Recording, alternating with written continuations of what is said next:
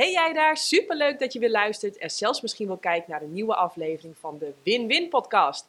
Vandaag zit ik hier met Henk Fransen en ik verheug me echt ontzettend op dit gesprek. Henk is onder andere schrijver van het boek Bondgenoot. En in 1985 begon hij al als arts. Inmiddels eh, is hij helemaal getransformeerd en is hij, wil hij veel minder bezig zijn met ziekte, maar wil hij zich heel erg focussen op preventie. Zeg ik dat zo goed? Zeker. En ehm, ja, je boek uh, Bondgenoot heb ik heel vaak cadeau gedaan, omdat ik, ja, ik weet niet, het ontroert echt dat boek. Dat Hmm. doet het bij mij. En wat, ik ook, wat me ook heel erg aanspreekt, het is een, met alle respect, een klein boekje met grote letters. Maar de impact is er niet minder om. Ja. Dus ehm, vind je het werk wat ik maak gaaf? Bijvoorbeeld deze podcastshow of de blogs die ik schrijf, die zijn gratis en die blijven ook gratis. Maar je kunt naar jannekevandermeulen.nl gaan en dan zoeken naar de knop doneren en zo een bijdrage doen, zodat we dit werk voort kunnen zetten. Yes, nou dat gezegd hebben en nogmaals welkom. Hmm. Ik moet zeggen, ik heb echt, oh nou ja, dat kan jij niet zien, maar ik vond het, ik dacht, oh hoe ga ik dit goed structureren, dit gesprek, waar ga ik beginnen? Want volgens mij, ja, jouw website, dat, leek, dat, was, dat is voor mij een soort van snoepwinkel. Hmm. Ik, eh, op heel veel dingen had ik, ja, ja, oh zelfs dit, kan ik zelfs dit met, eh, met Henk bespreken? Hmm. En dat ging dan bijvoorbeeld over dat autonome burgerschap waar jij je ook in hebt verdiept. Hm. Eh, nou, volgens mij zijn we beide ambassadeurs voor het zelfherstellende vermogen van het lichaam. Ja, ik denk dat dat het best bewaarde geheim eh, in de medische wetenschap is. Dat het lichaam zichzelf herstelt als jij dat maar faciliteert. Nou, en ik hoorde ook terug in andere podcasts dat je groot voorstander bent van ja, rust, rust. En, en ja, waar het, wat, wat tegenwoordig denk ik een schaars goed is Hmm. echt rust, diepe rust. Als iemand ook eh, een sabbatical neemt of gewoon ja, ontslag neemt, dan ben ik volgens mij altijd de enige die echt staat te juichen. En aanmoedigt van, eh, ja, goede set. maar goed, Hm. ehm, laat ik maar gewoon bij het begin beginnen. Want als ik dan naar je website ga, dan staat daar in 2016 eh, dat je je dan uit het artsenregister hebt gehaald. Om ehm, grote groepen mensen in alle vrijheid te kunnen informeren. Ja. Ja. Dat vond ik direct opmerkelijk. Toen dacht ik, wow, moet je je daarvoor uitschrijven? Mag je tot die tijd niet vrij uitpraten? Nou, je kunt zeggen, ik heb 35 jaar op een, niet op een alternatieve manier, op een combinatie van alternatief en regulier gewerkt met zieke mensen als arts. En vooral ook met mensen met kanker. En dat is zeker wanneer je ook de alternatieve wereld betrekt, is dat een heel spastisch gevoelig gebied. Ehm, en bijvoorbeeld die vereniging tegen kwakzalverij, die zit je al gauw bovenop eh, je kop. Eh, en ik moet zeggen, op het moment dat je geen arts bent, is dat veel en veel minder. En ehm, kijk, ik was altijd een arts die staat voor dat de ander zijn verantwoordelijkheid neemt. Maar arts-patiënt is een soort rollenpatroon waar die verantwoordelijkheid eigenlijk systemisch, collectief ook helemaal niet in zit. Je bent patiënt en ik ben de arts. En dan wordt het al gauw wat ik zeg, ja, ik heb daarvoor gestudeerd, dat is waar, en jij moet naar mij luisteren. Terwijl zeker zelfherstel in de alternatieve wereld is eigen verantwoordelijkheid nemen, goed luisteren naar je lijf, wat daar gebeurt is eigenlijk het allerbelangrijkste. Dus op het moment dat ik geen arts meer ben, en ook als toen ik arts was, stond ik echt voor, hé, hey, jij moet je verantwoordelijkheid pakken. Maar nu ik geen arts meer ben, kan ik gewoon zeggen, hé, hey, dit vind ik, wat vind jij? Het is echt veel gelijkwaardiger. En het is, het is gek, maar het is ook vrijer. Ik voel me zoveel vrijer om dan ook gewoon te zeggen wat ik vind vanuit mijn ervaring, wat ik heb bestudeerd. Vragen die ander, hoe komt dat over? Kun je daar iets mee? Met iemand meedenken? Maar um, ik ben blij dat ik het heb gedaan. Ja. En hoe, heb je lang over die beslissing nagedacht? Of was dat een ingeving? En, uh... Nou, het, um, je moet het niet verkeerd opvatten, maar toen ik afstudeerde, in 85, dus dat is nu 35 jaar geleden, um, toen stond ik al op het punt om een bul in de Waal te gooien. Ik heb in Nijmegen gestudeerd en het is niet dat ik de hele artsenstudie niks waard vind. Maar er zitten aspecten aan waar ik toen al graag van af zou willen. En wat jij zegt, zelfgenezing is het best bewaarde geheim in de medische wetenschap. Ik denk dat het geen geheim is, want dat klinkt een beetje alsof ze iets achterhouden wat ze heel goed weten. Um, ik betwijfel dat eigenlijk. Ik heb in mijn hele studie, zes jaar, heb ik vrijwel niks geleerd over um, ja, dat zelfgenezend vermogen. Hè? Het is toch meer, hoe kan ik jou van buitenaf repareren? Terwijl van binnenuit is er continu een zelfgenezende kracht werkzaam. En daar zou je eigenlijk mee moeten samenwerken. En de paar keer dat het tijdens mijn studie werd genoemd, ging ik helemaal aan. En vervolgens had ik iets en nu, weet je, ik hoor niks verder. Um, dus ja, het heeft echt mijn passie gehad al die jaren. En het heeft zich ook verruimd en verbreed. En ik heb er een eigen invulling aan gegeven, maar ja, ik denk dat is zoiets kostbaars dat je eigen lichaam eigenlijk dag en nacht bezig is om in balans te blijven. En wanneer het flink uit balans wordt gedrukt, als een soort duikelpoppetje, probeert weer overeind te komen. Hè? Ja. Zou eigenlijk iedereen iets over moeten leren? En um, op een bepaalde manier zou ik eigenlijk willen dat ieder mens zijn eigen dokter werd. Weet je, dat je zoveel weet over hoe je lichaam werkt, de simpele dingen die je kunt doen om dat te ondersteunen. En dan uiteindelijk, als het dan niet goed gaat, lijkt het me goed dat we een aantal specialisten hebben die dan met je mee kunnen denken of zo. Hè? Ja. Ja. ja. ja mooi. Ik uh, vraag wel eens als ik een, uh, een uh, lezing geef aan een zaal, wie heeft er wel eens een cavia gekocht of een rashond of een, een paard of een goudvis? Nou, daar steekt eigenlijk iedereen wel zijn hand op. En dan is mijn volgende vraag altijd, wie heeft zich dan vervolgens verdiept in hè, wat voor water moet hij drinken of, of hè, hmm. hoeveel moet hij bewegen? Ik bedoel, als je een tackle koopt of je koopt een, een ridgeback, ja, met die ridgeback moet je misschien wel 10 kilometer op een dag lopen. En die tackle, ja, dan is, dan is hij zijn pootjes kwijt. Dus... Hmm. En dan, en dan vinden we dat allemaal super logisch. Maar naar onszelf, wie wij zijn als diersoort en wat wij nodig hebben aan slaap en aan voeding en aan ja, rust en herstel, maar ook aan uh, zingeving en dat soort dingen. Ja, daar. Oh, daar, daar uh... Het is zo waar wat je zegt, want weet je, als je uh, vissen niet het juiste water geeft, zijn ze de volgende ochtend allemaal dood, hè? En iedereen weet natuurlijk, ik heb ook gezien, jij werkt ook met voeding. Uh, iedereen weet echt wel wat hij in zijn auto aan brandstof moet stoppen. En als je diesel stopt waar benzine in moet, dan gaat niet goed. En inderdaad, ik zeg vaak, we kennen de gebruiksaanwijzing van ons mobieltje beter dan de gebruiksaanwijzing van ons eigen lijf. En daar moeten we het allemaal mee doen. Hey, jij hebt dus uh, eh, 30 jaar gewerkt met mensen met kanker. Dan zie je natuurlijk mensen die misschien alles goed doen tussen haakjes ertussenuit uh, glippen. Maar je ziet ook mensen waar je alle hoop misschien wel hebt opgegeven. Die zie je er bovenop komen. Radicale remissie noem je dat toch? Ja. ja. Ik heb daar een aantal boeken ook over gelezen. Want ik vind dat fascinerend. Want volgens mij is het heel gezond om de vraag te stellen: wat kan ik als gezond persoon daarvan leren? Ja. Wat heb jij ontdekt?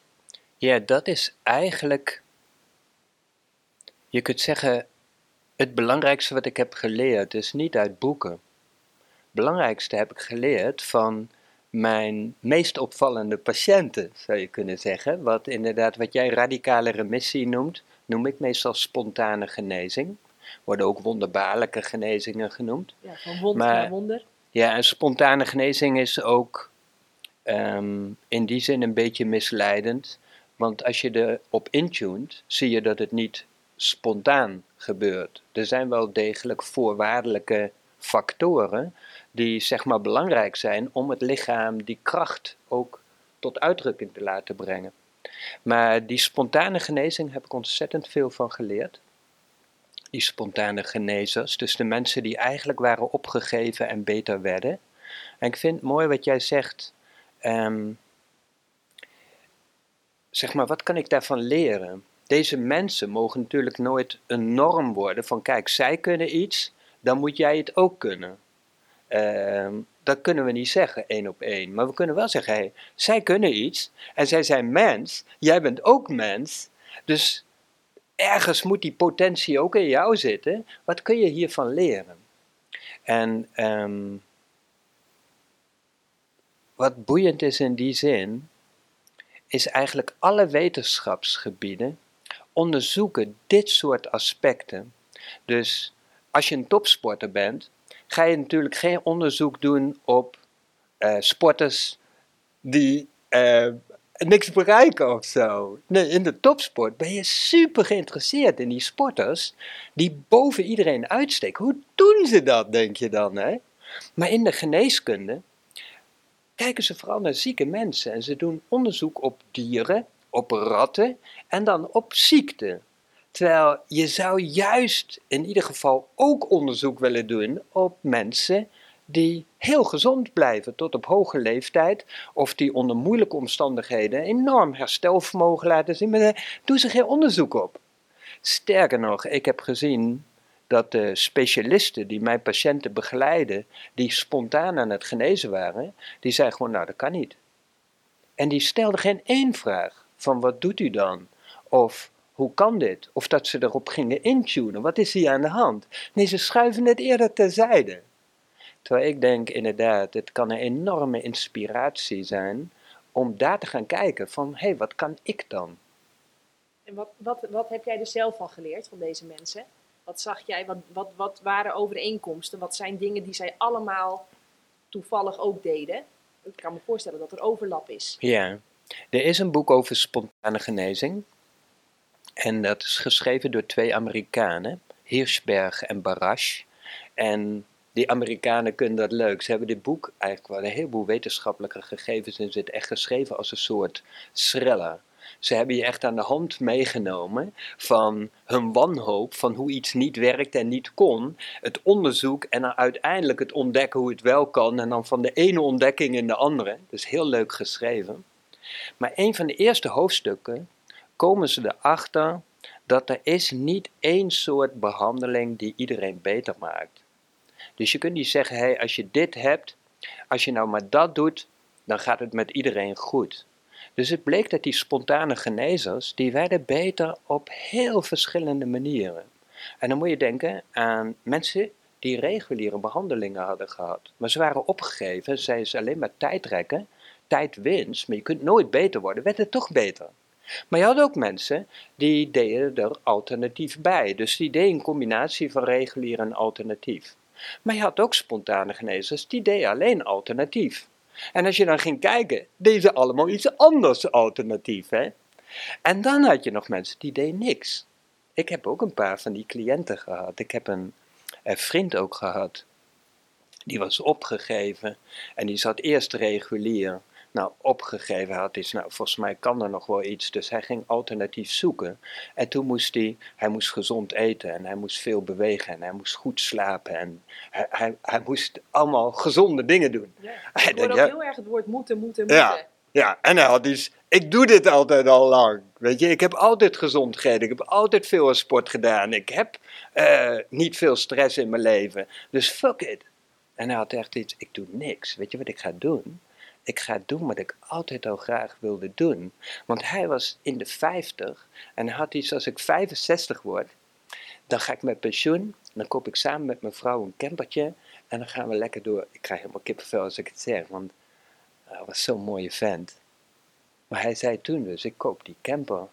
Ik heb iets te zeggen dat ik nog maximaal twee jaar heb. Dan ga ik gewoon nog twee jaar eh, doen wat ik altijd wilde doen. Door Europa. En hij had een liefde voor cultuur.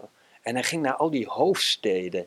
En dan, weet je, die cultuur daar. Maar hij ging ook het platteland op. Want het heeft zo'n, elk land heeft zo zijn eigen sfeer.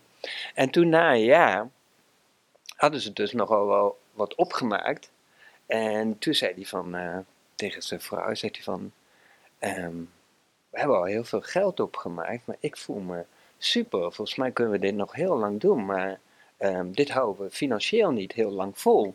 Dus toen heeft hij tegen zijn vrouw gezegd: Volgens mij zitten we op het goede spoor. Weet je wat we doen? Ik neem een parttime baantje. En dan beloof ik jou, van nu af aan, werk ik een half jaar. En we gaan een half jaar met de camper door Europa. En hij is dus beter geworden door dit. Nou, toen gingen ze verder in dat boek op onderzoek. En het blijkt dat er één factor is die bij allemaal voorkomt. En dat is wat ze noemen congruentie. En congruentie is een beetje een ingewikkeld woord voor dat je doet wat je ten diepste voelt. Dus dat denken, voelen en handelen op één lijn zitten, op één, één ding zijn eigenlijk. Maar dan niet oppervlakkig van ehm, ja, ik ga boodschappen doen en dat je dan naar de Albert Heijn gaat en die boodschap ook haalt. Nee, het gaat over je diepste overtuigingen over het leven. En zij vinden dus ook van daaruit behandelingen die voor hun gevoel helemaal bij hun passen. Dus dat kan ook regulier zijn. Maar als je weerstand hebt tegen regulier, je bent opgegeven, dan gaat het waarschijnlijk niet goed komen. Nee, maar als je daar heilig in gelooft, creëert dat een extra kracht.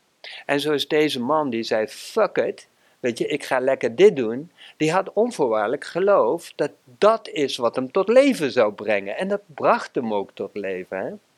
Dus congruentie, dat we behandelaars vinden, dat we behandelingen vinden, maar dat we eigenlijk leven zoals we dat ten diepste voelen, waar we mee resoneren, dat we iets hebben volledig ja, weet je, dit wil ik.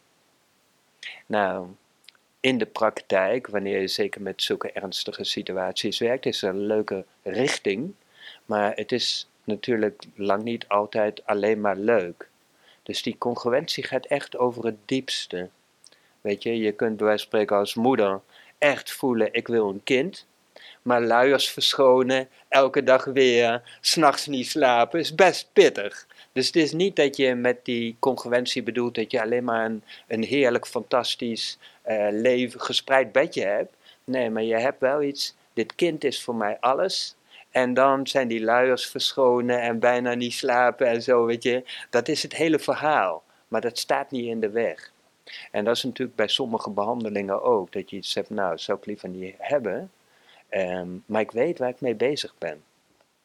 En dat kan een pijnlijke behandeling zijn, maar het kan ook een behandeling zijn waar een stukje discipline voor nodig is, wat je vol moet houden, waardoor je bepaalde sociale contacten wat, ehm, ja, misschien een andere plek moet geven. Dus ook lastige dingen, maar diep van binnen voel je, ik kan niet anders. En wat Want dit moet ik doen. Ja, en wat bedoel je met dat laatste? Bijvoorbeeld afzweren van alcohol, moet ik dan aan dat soort dingen denken? Als jij inderdaad voelt dat die twee dingen niet passen, dan dan zul je op zoiets komen. En als dat veel voor jou betekent en je bent wat verslaafd, is dat een pittig stuk. Maar je komt er doorheen omdat er één laag dieper zit die congruentie. En dat is een kracht waarmee je eigenlijk alles kunt doen. Nou, dat is ook in de topsport, is dat niet anders. Dan zeggen ze, je kunt eigenlijk alleen in die topsport de beste prestaties leveren als je echt een passie voor die sport hebt. En dat zie je ook, alle sporters die die passie kwijtraken, ook al zijn ze nog zo getalenteerd en hebben ze al zo'n bodem, ze halen daar op het hoogste niveau niet meer. Maar je hoort ook, als er een scheurtje komt in het vertrouwen met je coach, einde verhaal is niet meer eh, de topprestatie. Terwijl wij kijken bij patiënten bijna nooit naar het contact, de klik die ze hebben met die arts. Je moet het doen met de arts die je hebt, of de huisarts die je hebt, of de specialist die je krijgt. Maar dit is zo'n belangrijke factor, wil je echt boven jezelf uitstijgen. En als jij niet meer gelooft in je trainingsschema's, in je behandeling, dan kunnen die trainingsschema's, ook al zijn ze door de beste trainers opgesteld, niet meer dat extra leveren.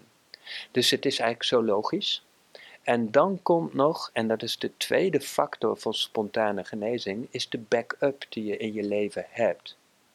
Je hebt één of meer, maar in ieder geval één iemand hebben die als een blok achter jou staat.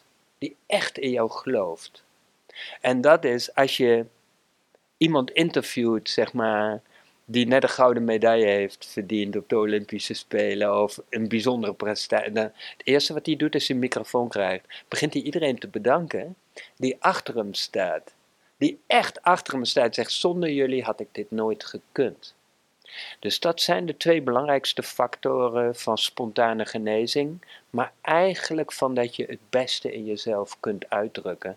Dat je echt gelooft in waar je mee bezig bent en dat je één of meer mensen hebt die echt in jou geloven.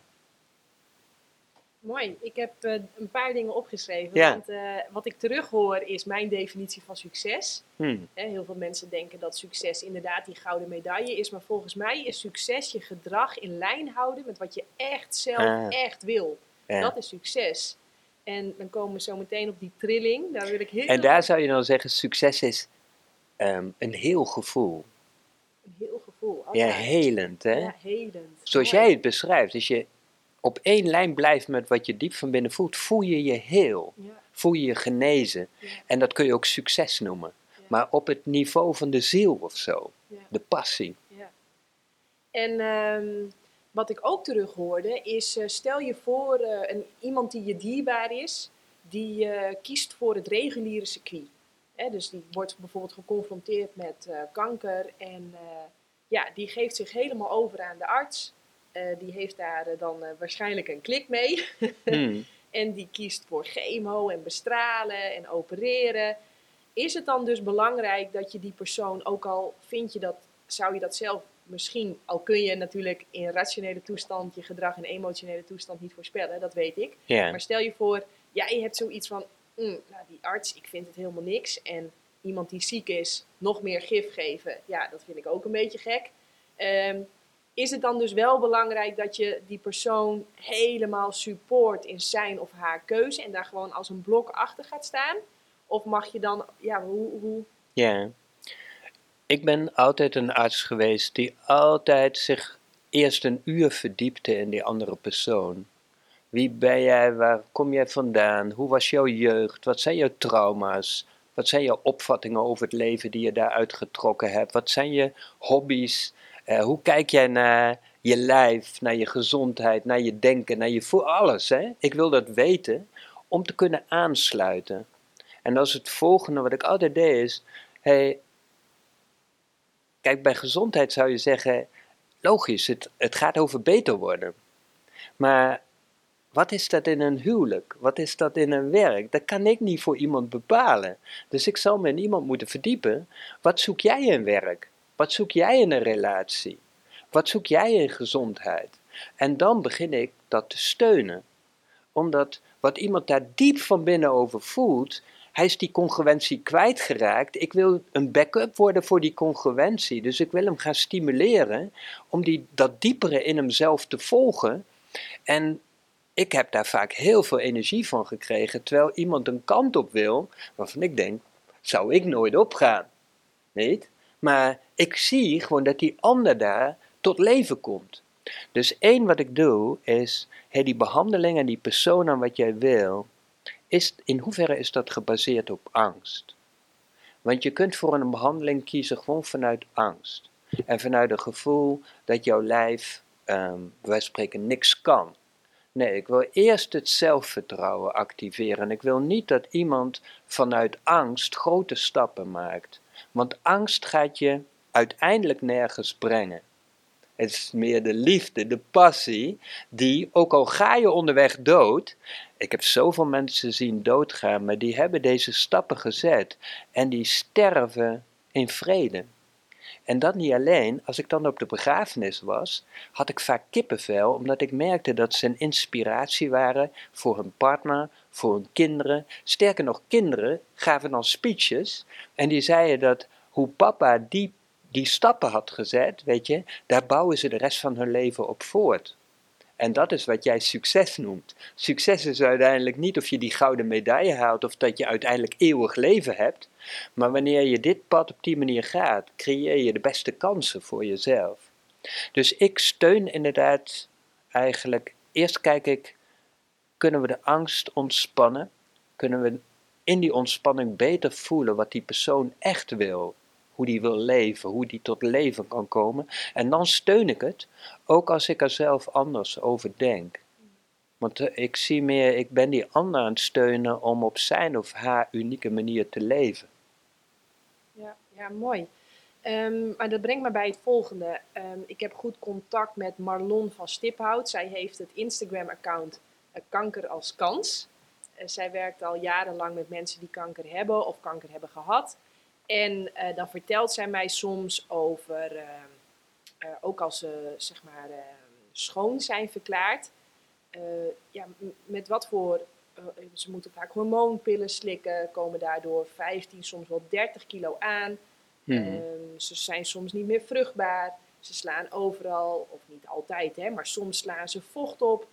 En zij was dat allemaal aan het vertellen. En ze hebben he- vaak heel veel angst van komt het terug. En eh, dus ik zit dat allemaal een beetje aan te horen. En dan merk ik dat bij mij de vraag opkomt van... Wat is nou eigenlijk erger? De, de kwaal of het middel? Mhm. Hoe, hoe denk jij daarover? Ja. Ehm, Want ik, allereerst heb ik in die, in die jaren iets van. ehm, ik zou kanker niet zo heel exclusief maken. Ook voor de luisteraars. Hè? Kanker is een ziekte en je hebt een heleboel ziektes. En dat wil gewoon zeggen dat je lichaam uit balans raakt. En dat je dingen kunt gaan ondernemen om het lichaam te steunen, om te herstellen. En het lichaam kan voor elke ziekte herstellen. Daar heb ik genoeg van gezien. Dus ik heb zoveel mensen die opgegeven waren, die beter worden. Dus het lichaam kan dat. Maar als we zeggen van oké, het is gewoon één hoop. Het zijn ziektes. En sommige ziektes hebben we heel erg gemaakt en andere ziektes hebben we wat minder erg gemaakt. Dan is het belangrijk om te beseffen dat een, een diagnose is een label. En zo'n label kan een gevangenis worden. En wanneer een label in begint te houden, jij kunt niks doen en hopelijk ben je er op tijd bij en anders wordt het leid, leed, zeg maar, hè, en lijden en ga je uiteindelijk altijd dood, dan zou ik zeggen dat is een, een label. Weet je, de ziekte is zwaar genoeg. Dit hoef je er niet bij te hebben, niet? Dus het eerste wat ik met mensen doe, die wat voor ziekte ook hebben, is ziekte, dat label, laat dat los. Bedenk zelf een naam.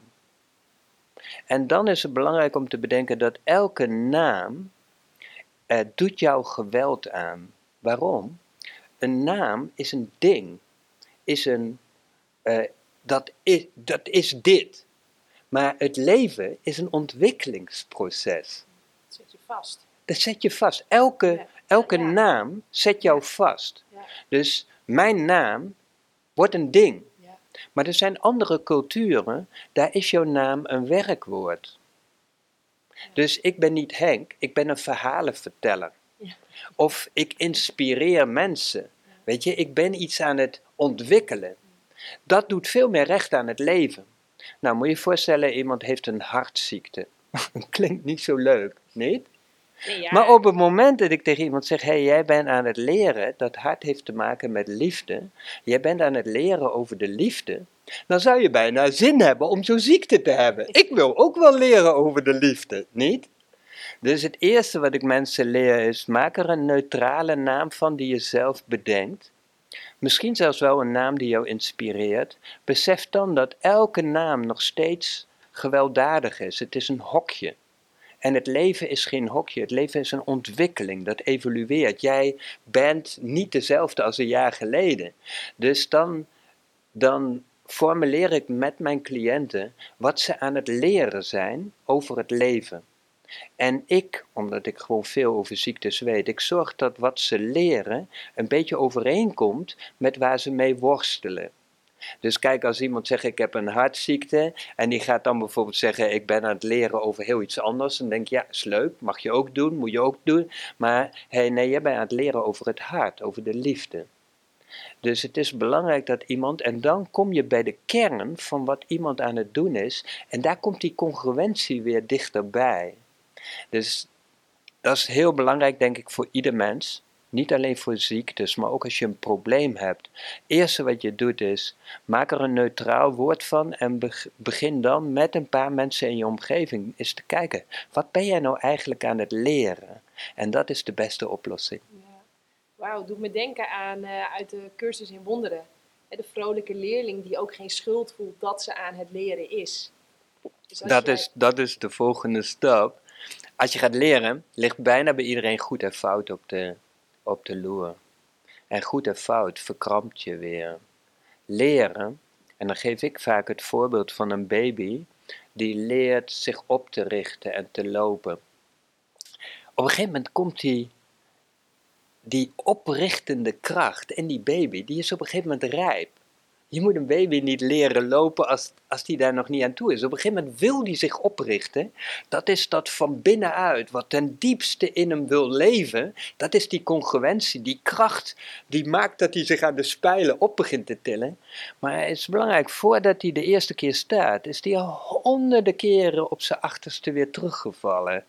Dus leren gaat altijd gepaard met, noem het, heel vaak vallen.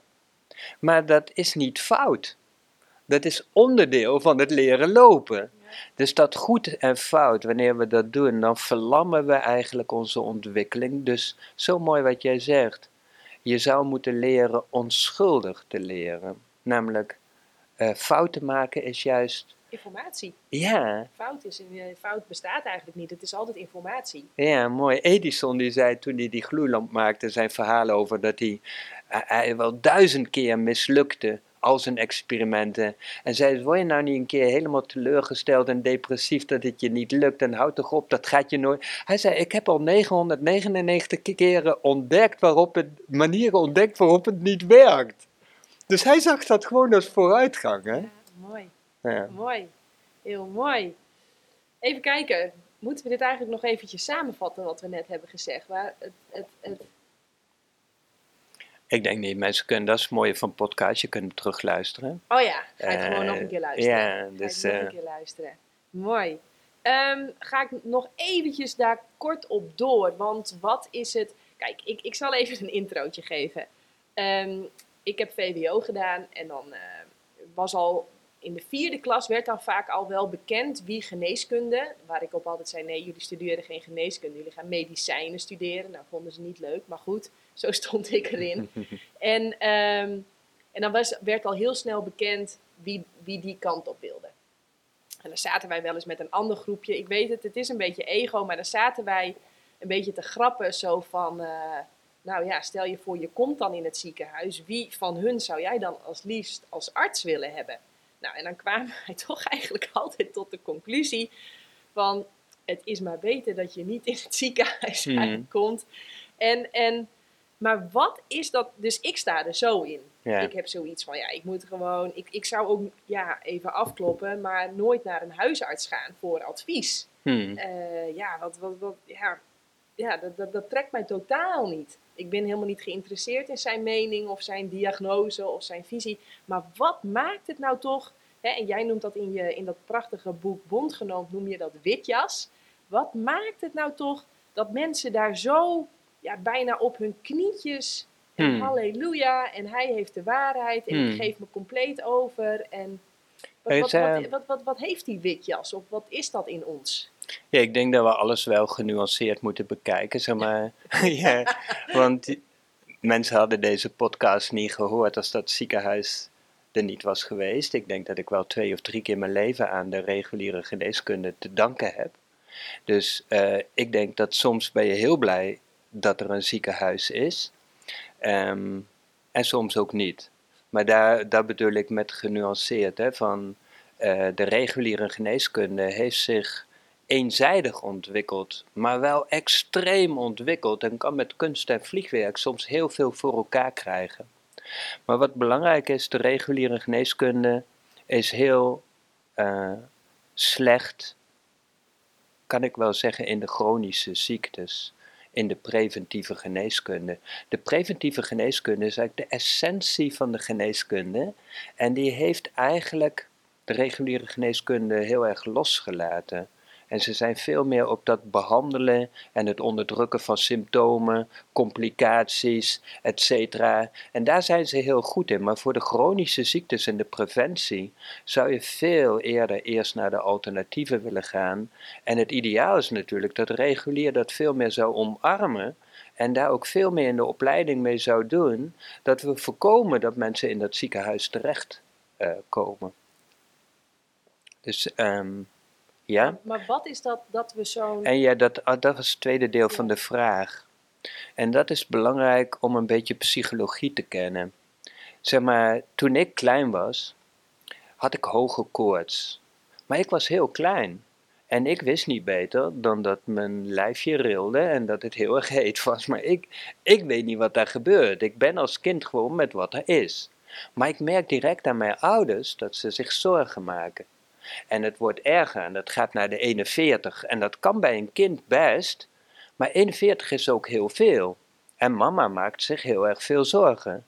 En ik hoor dat papa ochtends naar zijn werk gaat en die zegt: bel wel direct de dokter op en zorg dat hij vandaag langskomt. En eh, ik voel al die spanning over eigenlijk iets heel normaals, een natuurlijke reactie in mijn lijf, mijn hele immuunsysteem, wat het zelfgenezend vermogen is aan het werk, maar ik voel alleen maar zorg om me heen van de mensen die van mij houden. Mijn moeder belt de dokter op, de dokter komt binnen, komt met zijn stethoscoop, ik moet wat ademen, maar ik voel op het moment dat de dokter binnenkomt, voel ik dat mijn moeder ontspant. En vervolgens, weet je, luistert hij wat, hij heeft wat autoriteit, hij wist, oh, is dit? Uh, hij heeft de ervaring, weet je, niks aan de hand, schrijft wat dingetjes voor, Mama is helemaal tot rust gekomen. En als s'avonds papa thuis komt, vraagt hij hoe is het gegaan. Mama vertelt dat dokter is geweest, medicijnen, is over een paar dagen goed. Alles wordt rustig. En dit zit in je cellen. Ik heb me zo vaak verbaasd in die 35 jaar dat mensen waarvan ik dacht die zijn heel erg alternatief. En die hebben een alternatieve leefwijze. En die staan voor alternatief en dit en dat. En op een gegeven moment krijgen ze een diagnose. En eh, voordat ze maar bij mij zijn geweest, liggen ze al in de chemo, bij wijze van spreken. Maar op het moment dat je het gevoel hebt dat je leven op het spel staat, dat stond niet op het spel toen ik 41 graden koorts had, maar zo voelde het wel. Die boodschap kreeg ik wel. Dus als het spannend wordt met je lijf, en we leren weinig over ons lijf. Dus dat is een onbekend gebied. Daar hebben we weinig zelfvertrouwen in opgebouwd. Zodra het daar misgaat, weet ik er weinig van. Ik heb allemaal herinneringen van heel kleine in mijn cellen worden geactiveerd. Ik moet naar de dokter toe. Dat was toen, als je ziek bent, ga je naar de dokter toe. En hij heeft ervoor geleerd. En wat hij je geeft is goed. En dat, die reactie heb ik zoveel gezien. En andersom heb ik ook gezien vrienden waarvan ik dacht, die zijn helemaal niet zo alternatief, dat op het moment dat het erom ging spannen, konden ze direct bij hun innerlijke wijsheid, ze iets, wow, dat gaan we op deze manier aanpakken. Dat ik dacht, wow, had ik nooit achter jou gezocht. Maar het zit dus een laag dieper dat we vaak zo ehm, kwetsbaar zijn voor autoriteit. En we worden natuurlijk ook onze hele, want jij, jij noemde ook iets over autonomie in het begin onze hele opvoeding is dat je eigenlijk gehoorzaam moet zijn aan autoriteit, aan de politiek, aan de dokter, aan de uh, leraar, aan de. Terwijl eigenlijk het hele onderwijs zou eigenlijk gericht moeten zijn op de innerlijke autoriteit, wat jouw leven leidt, van binnenuit te vertrouwen en te volgen. Ja, mooi, mooi. Dat is waarschijnlijk ook de reden dat. Uh ja, dat we Duitse niet naar de reguliere school gaan sturen, om het maar zo te zeggen. Ja. Dat, uh, ja, want, want, want de eerste vier, vijf jaar van een, het leven van een kind, dan vertrouwen we helemaal op die, op die, hè, op die grote wijsheid die er doorheen uh, stroomt. Ja. Die iemand laat praten, iemand laat lopen, iemand bizar laat ontwikkelen. Ja, ik, ik denk dat jij dat doet. Maar vanaf het begin, eigenlijk in de buik van de moeder al niet, al die controles op de zwangerschap zijn altijd gericht op wat is te mis. De controles ook daarna is altijd groeit het wel genoeg, doet het dit wel goed, ontwikkelt het zich wel goed. Dus het is telkens gericht op wat gaat er mis. Dat is de reguliere geneeskunde. En dan zeg ik altijd, en dat sluit veel meer aan bij wat jij zegt, moet je voorstellen dat je een Weet je, bijvoorbeeld vrouwen leren hun borst te betasten, om te kijken, weet je, borstonderzoek, om te kijken of daar niet iets mis is. Maar dat wil dus zeggen dat je die fantastisch mooie moederborst, zit je elke week of elke maand te betasten, zit er niet een tumor in. En dat leren we en dat vinden we normaal. We vinden dat goed om te doen. Maar dan zeg ik altijd, moet je je voorstellen dat je elke week je kind betast, helemaal aftast, om te kijken of er geen tumor in zit. Wat voor kind krijg je dan? Nee, weet je, je, je streelt je kind met iets, wow, een goddelijk instrument. Wat een fantastisch lijfje, wat een geweldig intelligentie zit daarin. Ik denk, die borst, die streel je, dat is zo'n diep mooi aspect van het moederschap. Elk aspect van het lichaam staat ergens voor. En die moederborst denk ik, wow, allebei vooruit, fantastisch. Eh, en dan voel je wel als er iets mis is, maar daar ben je niet op gericht.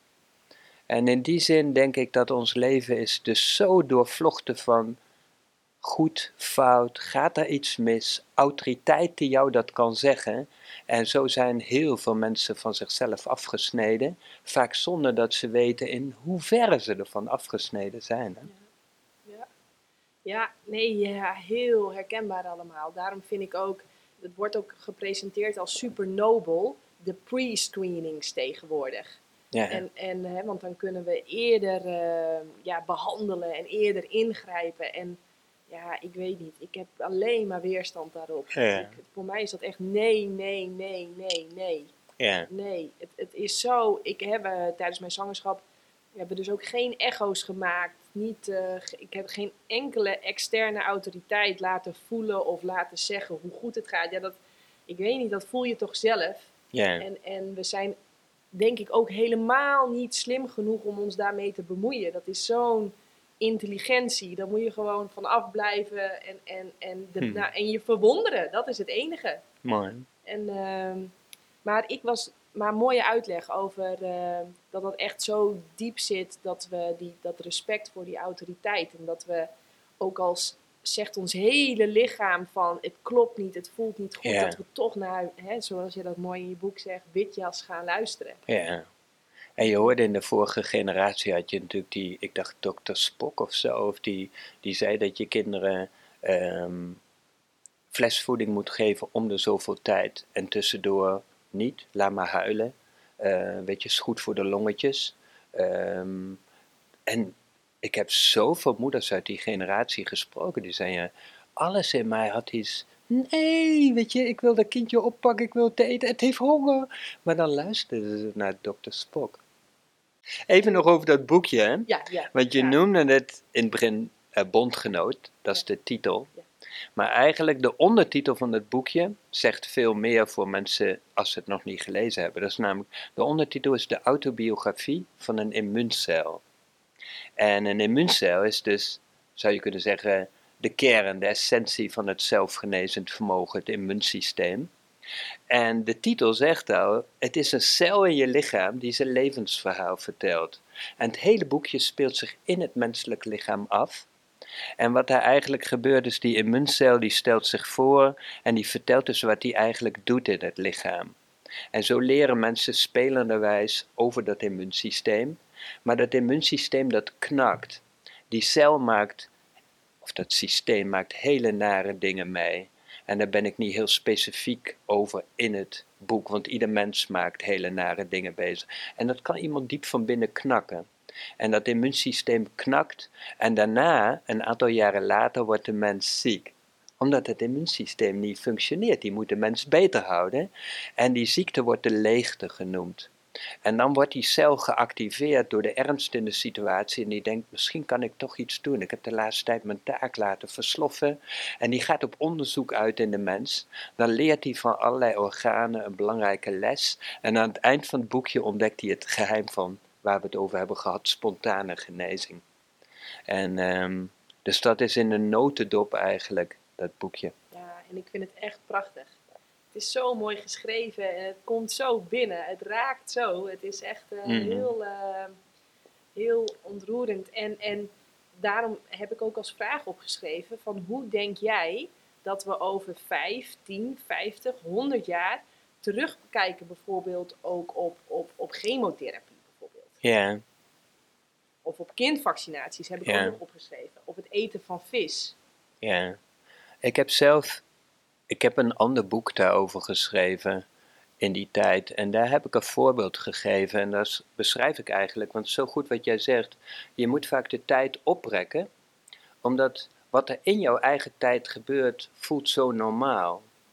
Maar bijvoorbeeld, ik vertelde dan dat ik op de lagere school leerde dat in de middeleeuwen dat ze bloedzuigers gebruikten om ernstig zieke mensen beter te maken.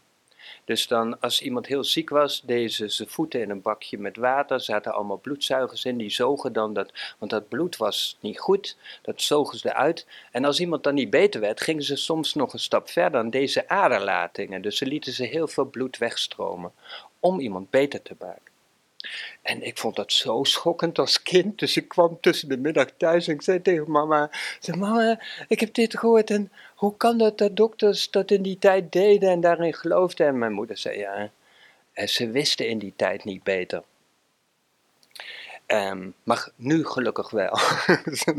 en dan beschrijf ik hoe over 100 jaar kinderen op school leren dat 100 jaar geleden dat ze ernstig zieke mensen probeerden beter te maken met puur gif. Dus dan gaven ze een gifkuur om die mensen beter te maken. Maar ze hadden het idee, dan moeten we zoveel gif geven, want die ziekte is zo erg, moet zoveel gif geven. Dat kan iemand nauwelijks of niet aan. Dus ze maakten er verschillende kuren van, die je dan na elkaar kreeg. En dan gingen ze tussendoor, gingen ze het bloed meten om te kijken of iemand nog een nieuwe gifkuur aankon. En dan beschrijf ik hoe in die tijd de kinderen in de klas helemaal geschokt zijn van, uh, juffrouw, maar hoe kon dat dan in die tijd? Gebeurde dat dan stiekem in kelders of zo? En dan zei die juffrouw, nee, dat gebeurde door uh, mensen die daar echt voor geleerd hadden. Dat waren dokters in witte jassen. En mensen gingen ook vrijwillig naar het ziekenhuis en dan gingen ze liggen en dan staken ze een arm uit. Zeiden ze, geef dat gif maar. En als je dat niet wilde, vertelde de juffrouw dan, dan werd je enorm onder druk gezet. En dan was het ook echt iets van, hoe, hoe kun je zo dom zijn om dit niet te doen? En er werd heel veel, uh, zeg maar, mediamensen werden gevraagd om op, zeg maar, op televisie of in tijdschriften campagnes op te zetten om mensen om geld te vragen om nog weer andere gifkuren te ontwikkelen. En die kinderen komen ook geschokt thuis. En dan Um, zegt die moeder ook van ja, ze wisten in die tijd niet beter. Ja, dat was niet helemaal waar. Er waren in die tijd wel mensen die dachten je kunt ook op een natuurlijke manier beter worden.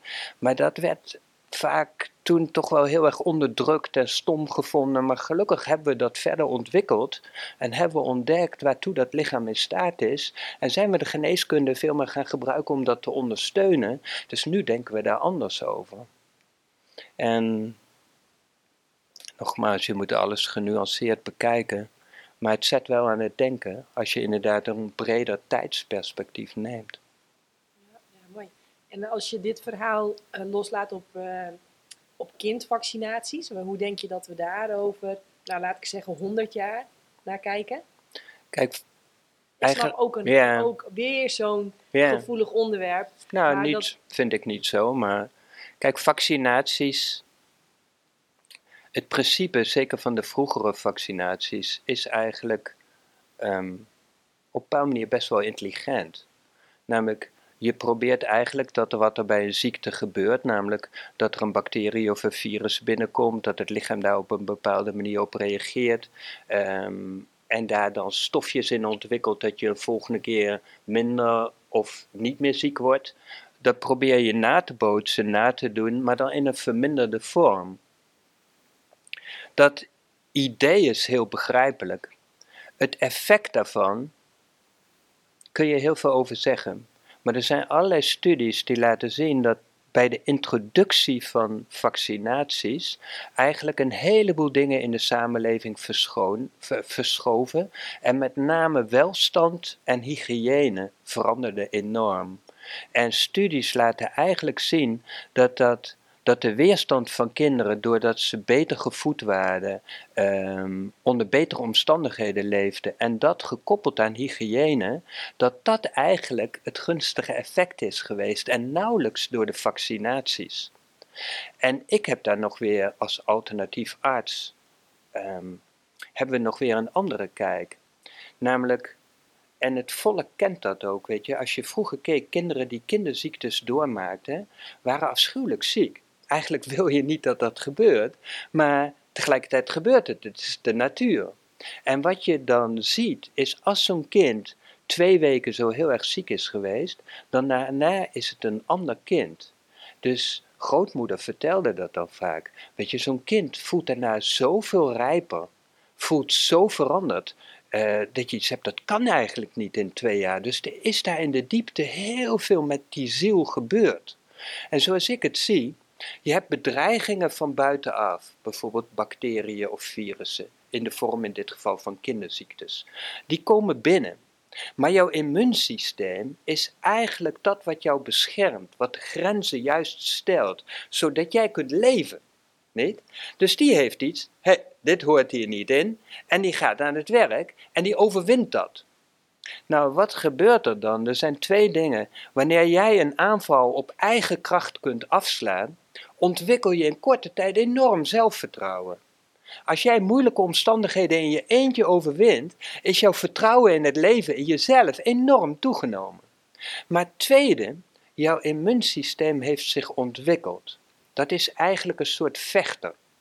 Een vechtjas, een bokser of een worstelaar zou je kunnen zeggen. Hè? Nou, als jij kijkt naar de beste boksers, de beste vechters, die zijn zo goed omdat ze goede tegenstanders hebben gehad. Je kunt nooit een van de beste vechters of boxers worden als je, niet, als je allemaal slappe tegenstanders krijgt. Je moet de beste sparringpartners, de beste dit. En dan moet je in de praktijk nog met de grootste vechters meten om je te ontwikkelen tot die vechter. Dus wat je in vaccinaties in die tijd deed, is verzwakte bacterie- en virusstammen geven, bij wijze van spreken, zodat je wat kunt proeven aan de vijand. Dat ontwikkelt jouw immuunsysteem niet. Je wil juist dat je uitdagingen krijgt. En dat zijn de kinderziektes, in mijn opinie dan. Hè. Alles wat ik hier zeg is op eigen verantwoording. Kijk genuanceerd, denk er zelf over na, raadpleeg een arts. Maar in mijn opinie heb je echt de vechters, eh, tegenstand nodig. En in die zin verzwak je door vaccinaties en er zijn zelfs alternatieven, ook in de homeopathie is dat bekend, dat alles wat je wegdrukt en van het natuurlijke, de natuurlijke bedoeling, wat je wegdrukt en wat je probeert te shortcutten, zou je kunnen zeggen, komt in een volgende generatie weer als nieuwe ziektes tevoorschijn om alsnog uh, dat effect op de ontwikkeling van de ziel te kunnen hebben. Dus je, je bent er daar ook niet mee. En je kunt dan wel zeggen, oké, die vaccinaties hebben heel veel goeds gebracht, maar ik denk je immuunsysteem ontwikkelt zich niet. En in hoeverre hangt dat samen met al die chronische ziektes die we nu hebben? Zouden die er ook allemaal zijn als we als kind ons immuunsysteem goed hadden kunnen ontwikkelen? Maar die ontwikkeling van je immuunsysteem en dat vertrouwen in jouw lijf en je ontwikkeling, zou dat niet ook te maken hebben met dat jij diep van binnen voelt, van binnenuit, wat er gedaan moet worden? Dus zou dat mensen ook niet veel meer helpen om een levenspad te vinden en hun passie te vinden en hun geschenken te ontwikkelen? Ik weet het niet, maar ik zou wel willen dat iedereen er beter over nadenkt. En dan zijn de nieuwe vaccinaties van de afgelopen jaren, ehm, die zijn, laat ik het zeg maar, als ik het het meest verantwoord zeg, die zijn experimenteel. En mensen zijn wat mij betreft geen dieren om experimenten op uit te proberen. Maar ze zijn in een stadium wat nog zo experimenteel is. En ik ben als arts, heb ik de onderzoekingen bestudeerd.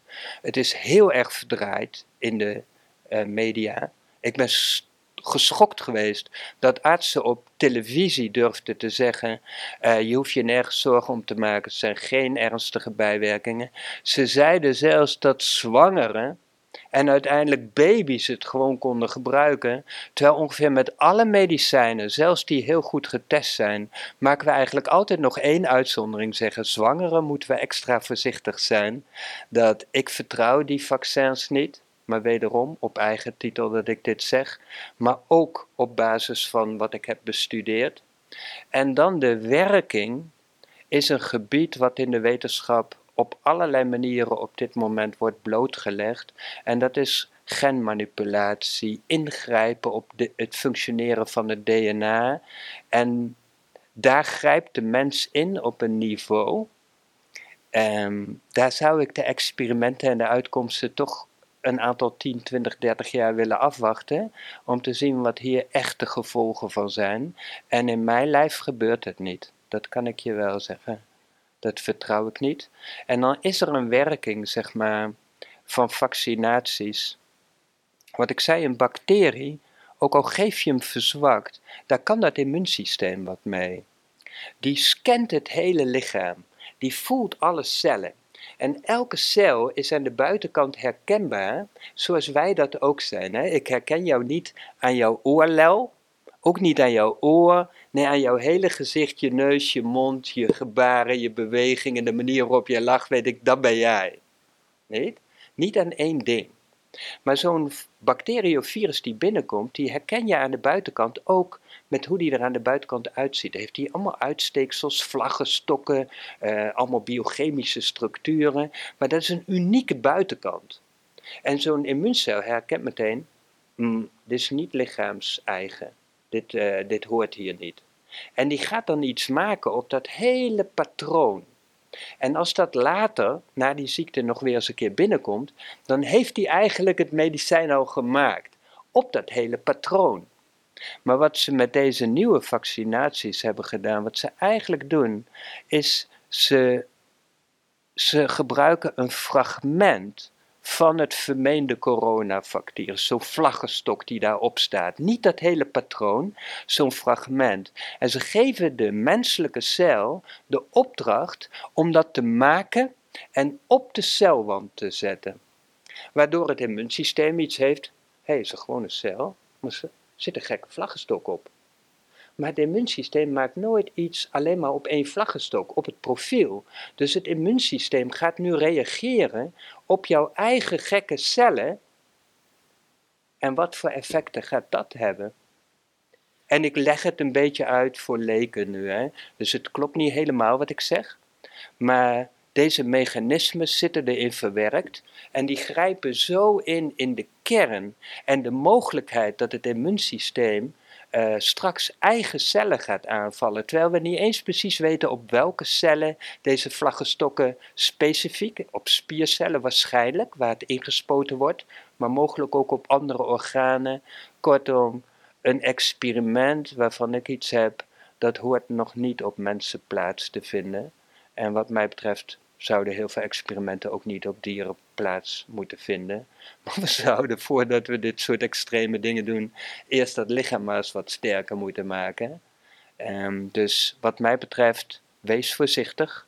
Er is ook een hele artsengroep die zich daar hard voor heeft gemaakt. Maar er is veel censuur geweest de afgelopen jaren en nog steeds. En ik denk dat dat niet minder wordt. Het is belangrijk dat mensen zelf gaan onderzoeken. En wederom niet meer alleen maar die vermeende autoriteiten die aan het woord mogen komen geloven, maar ook eens wat andere autoriteiten beluisteren en vervolgens een eigen mening vormen. Ja, nou helemaal eens. En dan um, zaten we nu eventjes, om maar even alvast in termen van trilling te spreken, zaten we op een lage trilling dit is niets wat we niet mee eens zijn, niet leuk vinden. Ehm, zou jij ons mee willen nemen in de wereld van wat is trilling? Ja, ik zou het doen. kan het handig zijn om gesprekken te hebben van een hoge trilling? En, uh, en, en, en, en, wat is licht? En waarom zijn wij lichtwezens? En, en wil je ons daarin meenemen? Ja. Maar e- één kanttekening. Ik zit niet in een lage trilling. Ik merk gewoon, ik, ik tintel helemaal. Maar wederom, omdat... Ik heb 35 jaar met mensen met kanker gewerkt, maar ik heb daar nooit last van gehad, omdat ik was aan het ontdekken hoe het werkt. Dus ik zat in mijn passie in die tijd. Dus ehm, je kunt zelfs onder de moeilijkste omstandigheden in een hoge trilling blijven, door inderdaad dat te doen wat jou werkelijk fascineert. Maar nog, als we het hebben over hogere trillingen, ehm, hoge lichtfrequenties, liefdestrillingen, noem maar op, is ook een beetje um, alternatief en zweverig. Maar ik zou het heel simpel willen maken. Je kunt je, iedereen weet dat je je down kunt voelen. Dat zijn lage trillingen. Hoge trillingen is dat je je up voelt. Enthousiast. Ja. Passie, licht, plezier, eh, zin, zin ja. enthousiasme, weet je. Je voelt je up. Ja omhoog of down. Nou, als jij je down voelt, de essentie van down is onmacht. En daar zit angst achter. Dus dat zijn um, emoties die komen overeen met een stofwisseling. En dat noemt een dokter een katabole stofwisseling. En katabol is een moeilijk woord voor afbraak. Dus wanneer jij down bent, heb je een stofwisseling. En die stofwisseling zit in elke cel. Dus elke cel is down. Als jij down bent, is elke cel down. En de stofwisseling is gericht op afbraak. Dat wil zeggen, je verbruikt je energiereserves. En omdat je het gevoel hebt dat je in de overleving staat, dat je moet overleven, ben je je energiereserves aan het opmaken. En allerlei essentiële processen zet je tijdelijk even in de parkeerstand om te overleven. En de belangrijkste daarin is de ontgifting. Dus elke cel, wanneer die ontspannen is, krijgt telkens voeding binnen, verbrandt dat, leeft, daar ontstaan afvalproducten bij en die scheidt die uit. Inademing, uitademing zou je kunnen zeggen. Inademing, zuurstof, voeding naar binnen. Uitademing scheiden we ook afvalstoffen uit. Maar elke cel ademt. Maar als een cel down, angstig, onmachtig, verdrietig, boos, waar die vast in zit. Schuld. Ja, dan zit hij dus in zo'n stofwisseling van overleven. Niet bij angst of boosheid of verdriet op zich als het kort duurt, maar wanneer het vast komt te zitten. Hè? Dan maakt hij zijn energiereserves op en hij begint zichzelf te vergiftigen. Want hij scheidt die even niet zo goed allemaal uit. Hij ruimt het even niet op, want hij is aan het overleven. Wanneer jij je up voelt, en dat is voor iedereen anders, maar we hebben al iets genoemd, ga bezig met dingen die jou werkelijk raken.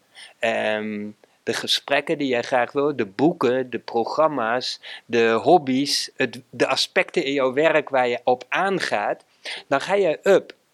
Dan voel jij je verbonden, gelukkig, vervuld, um, al dat soort emoties. Die horen bij een anabole stofwisseling. Een anabole stofwisseling wil zeggen dat de, de cel staat open. Jij staat open. De cellen zijn ook up, staan open. De levenskracht stroomt er doorheen. Ze laden op, net zoals dat jij oplaadt wanneer je bezig bent met die passies. En ze ontgiften optimaal. Dus dat is eigenlijk de toestand van je cellen die je zou willen hebben om heel lang gezond te blijven, zou je kunnen zeggen. Hè? Dus dat even als een hele beetje Jip en Janneke taal, up en down, hoge frequenties. En het belang voor elke cel in je lijf, hè? Ja, wauw. Nou, als jij down bent, gebeurt er nog veel meer. Dat wil zeggen, je spijsvertering, die functioneert niet optimaal. Dus jij kunt wanneer je down, angstig, vastzit in boosheid, in schuld, in worstelen, kun je wel heel gezond eten, maar je kunt niet goed verteren. Je lijf kan niet goed opnemen. De cellen die het verbranden kunnen de afvalstoffen die daar ontstaan. Je kunt wel heel erg biologisch gezond eten, maar wanneer je cellen dicht zitten, daar ontstaan elke dag afbraakproducten die uiterst giftig zijn. Die kunnen er niet uit, ook al eet jij gezond. En dan als jij down bent, of je bent wat angstig, of je zit niet zo lekker in je vel, adem je minder. Je ademt hoog in je borst, je ademt oppervlakkiger, je houdt een beetje vast in de instand. En de uitademing is de ontgifting. En je ademt oppervlakkig, waardoor de zuurstof niet echt goed naar binnen kan komen, zodat de lucht van binnen ook vervuild blijft. Dus het is eigenlijk heel belangrijk dat je leert meer up te zijn. En dan niet als een soort ik heb een gezellig, leuk, comfortabel leven. Maar up in de zin, ik kan onder alle omstandigheden, kan ik mijn eigen leven sturen zoals ik dat fijn vind. En ook als het heel erg niet fijn is, weet ik daar altijd wel een draai aan te vinden of me te richten op waar ik een goed gevoel bij krijg. Ja, wow. Dus dat is, dat, is, dat is in een notendop hoe je je trilling verhoogt. Echt yeah. non-stop op zoek gaan naar wat wil ik, wat vind ik leuk, waar word ik enthousiast van. En niet non-stop, want dat had jij al gezegd aan het begin van deze podcast. Ontspanning is heel belangrijk. En dat is zoiets wonderlijks. Zeg maar, ik ben arts en ik heb zoveel respect voor het lijf. Ik heb zoveel van mijn cliënten geleerd, maar ik leer ook zoveel van het lijf. Daarom heb ik ook dat boekje Bondgenoot geschreven. Elke cel maar elk orgaan is zo bijzonder. En wat we bijvoorbeeld heel simpel leren, je kunt niet altijd aanstaan. Dat doen ook als je heel gepassioneerd bent, heb je behoefte aan ontspanning, de, de, de passie, de inspiratie, de inspiratie. Inspiratie is inademen. Dat is super, daar laat je op, daar leef je, levengevende zuurstof. In de Oosterse culturen adem je daar de subtiele levenskracht, de prana, maar dan de uitademing. Je kunt niet alleen maar instaan. Dus dan adem je uit, dan laat je los, dan geef je jezelf over. Dan laat je alle controles even los. Je ademt gifstoffen uit. Maar aan het eind van de uitademing is van nature een pauze. En de meeste mensen kennen die niet. De meeste mensen staan zo aan, niet omdat ze allemaal leuke dingen doen, maar omdat ze aan het overleven zijn. Ademen te hoog, ademen onvoldoende uit, nooit helemaal uit. Vertrouwen het leven niet. Zijn alweer bezig met in, hoe hou ik het onder controle, hoe hou ik het vol. Maar als je helemaal uitademt, is daar een pauze. En die wordt in meditaties gebruikt, omdat daar zijn geen gedachten. Daar is het stil. Daar gaat de deur eigenlijk open naar het kwantumveld, naar alle mogelijkheden. En als je daar rust, daar is, daar zo'n stilte. Daar is zo'n, alles kan daar. En wat er dan gebeurt is, de adem komt terug. We hoeven niet in te ademen. De adem God blaast ons het leven in. We worden ingeademd. En daar kunnen we in meegeven. Dus we hoeven ook niet te bedenken wat is mijn passie. Je passie verschijnt op een gegeven moment. Dat voel je, want dan leef je. En dan in de inademing geef je daar meer ruimte aan. En dan laat je het weer los. Wow, Ja. mooi. En dat leer je gewoon eh, van de longen. Maar als je naar de liefde kijkt, het hart. We zijn vaak zo bezig met, ja, je moet lief zijn. Ja, mooi. Ja. Ik had nog de aardigheidsziekte opgeschreven. ja. Ja. Je, je, je, moet, je moet lief zijn. Maar één ding, liefde geven. Het hart geeft liefde, maar niet soft. Ik beschrijf in mijn boekje ook als die immuuncel door het hart stroomt. Wat die, dat is zo. De, het bloed spuit uit het hart 1 meter per seconde door die aortaboog. En die cel die gaat daarin mee en die is helemaal beduusd door de kracht van het hart. Hè? Dus die, die passie van het hart is gigantisch. Die pompt dat weg voor het hele lijf. Maar wat doet hij? Het eerste van wat hij wegpompt gaat via de kransslagader naar hemzelf terug. Dus het, wat hij geeft, het eerste, de hoeveelheid die hij nodig heeft om te kunnen werken, pakt hij meteen zelf terug. Jouw liefde is eerst voor jouzelf. En dan kan die iedereen voeden. Net als dat kapje in het vliegtuig, weet je, als er geen zuurstof is, eerst jijzelf, dan kun je anderen helpen. En dan als die geeft, daarna ontspant hij en stroomt hij zelf helemaal vol. Als je zo naar een orgaan kijkt, dan leer je plotseling over hoe de liefde bedoeld is. Als je naar de longen luistert, snap je hoe de inspiratie, de, de, de passie bedoeld is. Hè? En zo kun je naar elk orgaan gaan luisteren en dan leer je van de schepping zelf. Ik noem het vaak een levende Bijbel, je lijf. Als je daarin leert lezen, daarnaar leert luisteren, eh, jij bent de schepping. Jij bent de schepping. Dat is zo bijzonder. Dat is heel bijzonder. Mooi. Mooi. Ik, ik moet eventjes, eh, ik zit gewoon aandachtig te luisteren. Dan moet ik toch weer even, oh ja. Eh, we hebben dus nu trilling hè, behandeld. We willen graag eh, een hoge trilling, zodat die universele wijsheid lekker door ons heen kan stromen. Dat we eh, voedingsstoffen makkelijk aan kunnen nemen, afvalstoffen lekker makkelijk af kunnen voeren. En dat het, dat het vrolijke cellen zijn die, die, zoals jij dat in je boekje dan zo mooi schrijft, die, die zin hebben om hun taak uit te voeren. Ja. ik dat zo goed? Ja, dat is ook een mooi stuk, ja. ja je, kunt, je benoemt al iets heel moois, wat we ook kunnen leren. Je geeft al adem, laat ons zien, wij zijn geen individu. Zuurstof, de meest levengevende factor, weet je, waar je maar een paar minuten zonder kan, die komt van buiten. Jouw voeding komt van buiten. Maar ook wanneer je iemand opsluit in, in een gevangenis, in eenzame opsluiting, in een cel, Mensen zijn in staat om binnen twee maanden zelfmoord te plegen. Dat, is een, dat wordt gebruikt als marteling. Dus ook het menselijk contact is voeding, maar komt van buiten. En dat is zo belangrijk. Het zelfgenezend vermogen is niet de persoon, maar het zelfgenezend vermogen is hoe alles van binnen verbindt en hoe de persoon zich verbindt met zijn omgeving. Het leven stroomt door ons heen. Dat is zelfgenezing. Dus dat lees je ook in die blue zones, waar mensen heel oud worden op aarde. Daar is de samenleving, de, de hechte samenleving, en dat we van betekenis zijn voor elkaar. En dat we dus onze geschenken met elkaar uitwisselen. Ik krijg iets van jou, jij krijgt iets van mij. Dat is dat is een hele belangrijke factor van zelfgenezing. Dat je het beste van jezelf geeft aan de ander en het beste van anderen en het leven ontvangt voor jezelf en dat dat kan stromen. Dat is het leven, maar dat is heelwording. Dat is niet een mens die denkt ik ben een individu en ik moet dat leven onder controle houden. Dat is ongeveer dood. Weet? En dan de taak, en dat heb ik geleerd van het lichaam.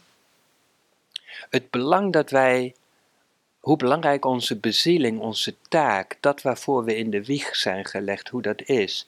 Als je naar het menselijk lichaam kijkt, dat zijn triljoenen cellen.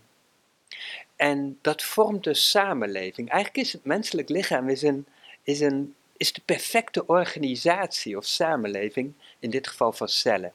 En elke cel is ergens voor in de wieg gelegd.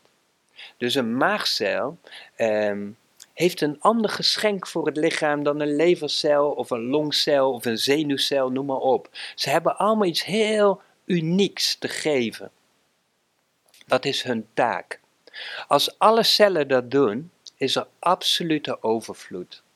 Elke cel baat in overvloed. Alles wat er nodig is, is er. En alle cellen zijn gelukkig en vervuld. Niet? Maar op het moment dat een cel zijn taak minder goed uitoefent, dan noemen we dat in de reguliere geneeskunde een ziekte. Als cellen hun werk niet meer goed doen, dat noemen we in de reguliere geneeskunde een ziekte. Wanneer cellen helemaal niks meer doen, dus wanneer ze hun taak helemaal stoppen, dat noem ik in het boekje Bondgenoot een lege cel. Maar de reguliere geneeskunde noemt dat een kankercel. Dat is een cel die is onder de microscoop ook niet meer herkenbaar. Want die unieke, die unieke bijdrage kun je onder de micro elektronenmicroscoop meteen zien. Ah, maagcel, oh, levercel. Je kunt gewoon zien wat die is. Maar een kankercel is een aspecifieke cel. Dus gewoon een cel met een uitgestreken smoel. Die doet niks meer, die, die is niet meer herkenbaar waarvoor die gemaakt is. Dus je kunt zeggen, als cellen hun taak minder goed doen, noemen we dat ziekte. Als ze het helemaal niet meer doen, noemen we het kanker. Maar ik zei al, dat is een metafoor voor een samenleving. Wij, mensen bij elkaar, zijn een samenleving van niet van cellen, van mensen. Wij vormen het mensheidslichaam. En elke mens is ergens voor in de wieg gelegd, ergens voor geboren, heeft bepaalde talenten, heeft een passie, geschenken. Dat kan die ontwikkelen. Als we dat allemaal doen en we delen dat met elkaar, is het mensheidslichaam, is paradijs op aarde, is de hemel op aarde. Maar in het lichaam, op het moment dat de cel zijn taak minder goed doen, noemen we als ziekte. Als die die taak helemaal niet meer doen, noemen we zo'n lege cel of kanker. Maar kijk nu eens naar mensen. Hoeveel mensen kennen hun taak? Hoeveel mensen weten, hiervoor ben ik geboren en dat is iets wat je geeft. Hoeveel mensen zijn bezig met hebben, als ik het maar goed heb, eh, om dat vast te houden. Nee, het onderwijssysteem zou elk kind moeten bewust maken van zijn unieke bijdrage en dat stimuleren. Dan leer je onderweg alles en dan hebben we een gelukkige mensheid. Maar als je ziet hoeveel mensen dat niet weten, dan besef je hoe ziek de mensheid is. En als je ziet hoeveel mensen daar helemaal niet mee bezig zijn, dan denk je, hé, hey, ja, vul maar in. Nou, dan denk ik direct, dan heeft het schoolsysteem ja, of de plank misgeslagen of heel goed zijn werk gedaan. Dus, ja, ik weet het niet. Ja, de, maar ik zeg daar altijd, kijk, die systemen zijn opgebouwd door mensen en wij zijn een beetje uh, de kern kwijtgeraakt, het contact met onszelf. En dat zie je ook weer spiegeld in die systemen. Dus in de medische wetenschap, maar ook in het schoolsysteem en het economische systeem. Weet je, het hele economische systeem is gebaseerd op schuld. Als je kijkt hoe groot de staatsschulden zijn en de individuele schulden zijn, de hele economie. In de krant blijven ze beweren dat het goed gaat met de economie, dat we welvaart hebben, maar we hebben schulden zo groot hebben we nog nooit gehad in de geschiedenis en ze zijn nog onmogelijk af te betalen. Sterker nog, de hele beroepsbevolking werkt zich een slag in de ronde, betaalt 40% belasting en daarmee kunnen alleen de rente op die schulden nog niet betaald worden. Maar als je naar het menselijk lichaam kijkt, menselijk lichaam doet niks op schuld. Niks op schuld. Dat is gezondheid. Op het moment dat het menselijk lichaam zijn krediet opmaakt, dat wil zeggen als die down gaat, als die angstig wordt in de overleving, dan begint hij zijn energiereserves op te maken. Dan maakt hij alleen nog maar zijn reserves op. Dat is nog steeds geen schuld. Het menselijk lichaam kent geen schuld, maar we mogen soms onze reserves een beetje opmaken als we even moeten overleven Staan we langer in de overleving, moeten we met elkaar eens gaan praten. Hoe komen we hier uit? Hoe kunnen we elkaar helpen te ontspannen, zodat we weer kunnen opladen? Maar de natuur werkt niet op schuld. Dus dat laat ook alweer zien hoe ver we van onszelf zijn afgeraakt. Hè? Mooi. Ja, ja dat laat. ook mooi dat inderdaad, daar had ik nog nooit over nagedacht. Dat het lichaam, dat kent geen schuld. Maar ik zie wel de hele tijd, wat, wat ik wel veel zie gebeuren, is dat we wel non-stop betalen met de creditcard, zoals ik dat dan noem. Iedere keer als je koffie drinkt, ga je energie opnemen die je eigenlijk niet hebt. Hm. Eh, iedere keer als je veel te laat naar bed gaat en jezelf op de been houdt met allemaal oppeppende middelen, ga je, ja, je bent, je bent maar, maar ja, inderdaad, in die schuld, ja, dan, dan, dan houdt het op een gegeven moment gewoon op. Er is wel een nullijn. Ja. Dus we maken dan reserves op, maar dan nog niet schuld in het lichaam is dood. Ja. Onze samenleving is helemaal dood eigenlijk.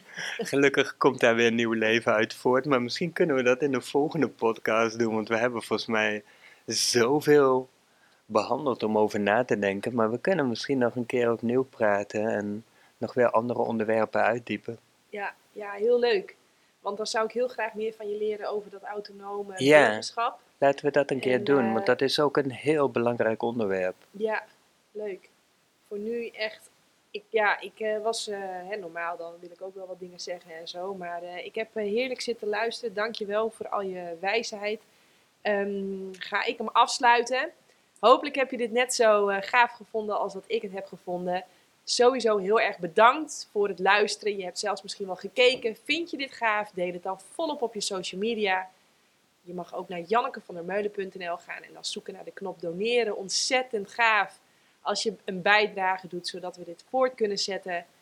Henk werk, dat vind je op genezendvermogen.nl. Uh, ik zou zeggen, ga naar die website. Het is echt net een snoepwinkel. Uh, prachtige blogs, prachtige filmpjes, prachtige cursussen. En uh, ja, dankjewel. Fijn. Dankjewel Henk. Dank je voor de uitnodiging. En uh, ja. jij luisteraar, tot de volgende keer. Doei! Wil jij ook op een supergezonde, verantwoorde manier meer plantaardig eten? Lees dan het nieuwste boek De Eiwitleugen. Mijn naam is Janneke van der Meulen. In 2019 werd ik voor het eerst wereldkampioen kustroeien en in 2021 werd ik moeder. Allemaal op een dieet van voornamelijk fruit en planten. Want weet je wat het leuke is? Jij hoeft niet dezelfde fouten te maken als dat ik heb gemaakt. Wil jij ook het allerbeste voor jezelf, de dieren en de aarde? Ga dan naar jannekevandermeulen.nl slash boeken.